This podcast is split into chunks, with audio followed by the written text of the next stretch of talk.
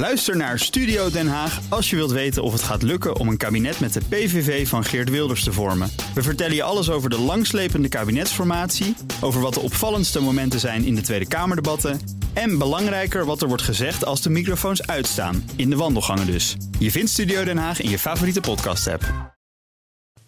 De column van Paul Lasseur.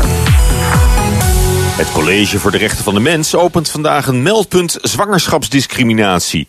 Voor de tweede keer binnen een maand bemoeit de Mensenrechtenwaakhond zich intensief met de arbeidsrelaties in ons land.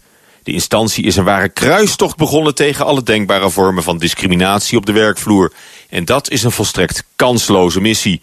Want natuurlijk hebben ook zwangere en oudere medewerkers het volste recht op gelijke behandeling. Alleen maak daar niet direct een mensenrechten kwestie van.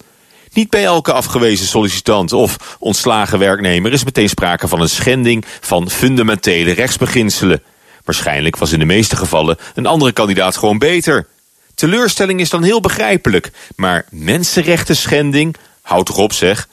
Twee weken geleden tikte het Mensenrechtencollege Albert Heijn op de vingers voor een gevalletje leeftijdsdiscriminatie. De supermarkt werft liever goedkope scholieren voor een bijbaantje dan een drie keer zo dure 23-plusser. Dat weet iedereen en geeft ze eens ongelijk.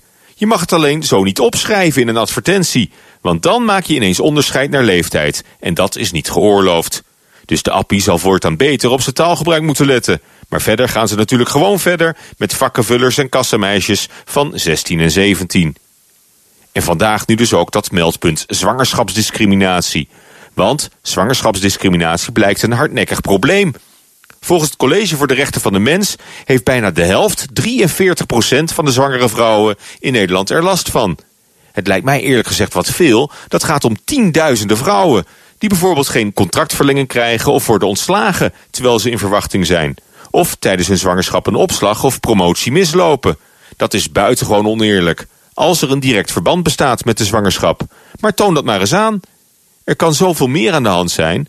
De vrouwen hebben vaak niet eens door dat ze worden gediscrimineerd. En ook werkgevers weten lang niet altijd dat zwangerschap geen legitieme reden is voor ontslag. Dus extra voorlichting over een rechtspositie kan beslist geen kwaad. Maar alsjeblieft, niet nog een meldpunt.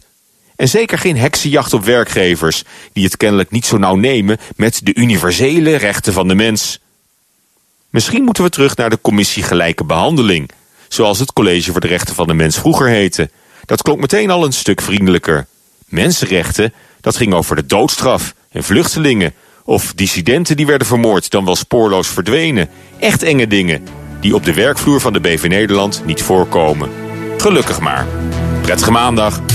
En dat zijn Paul Lasseur, ons columnist, altijd op maandag. En die kunt u terugluisteren op bnr.nl en in de BNR-app.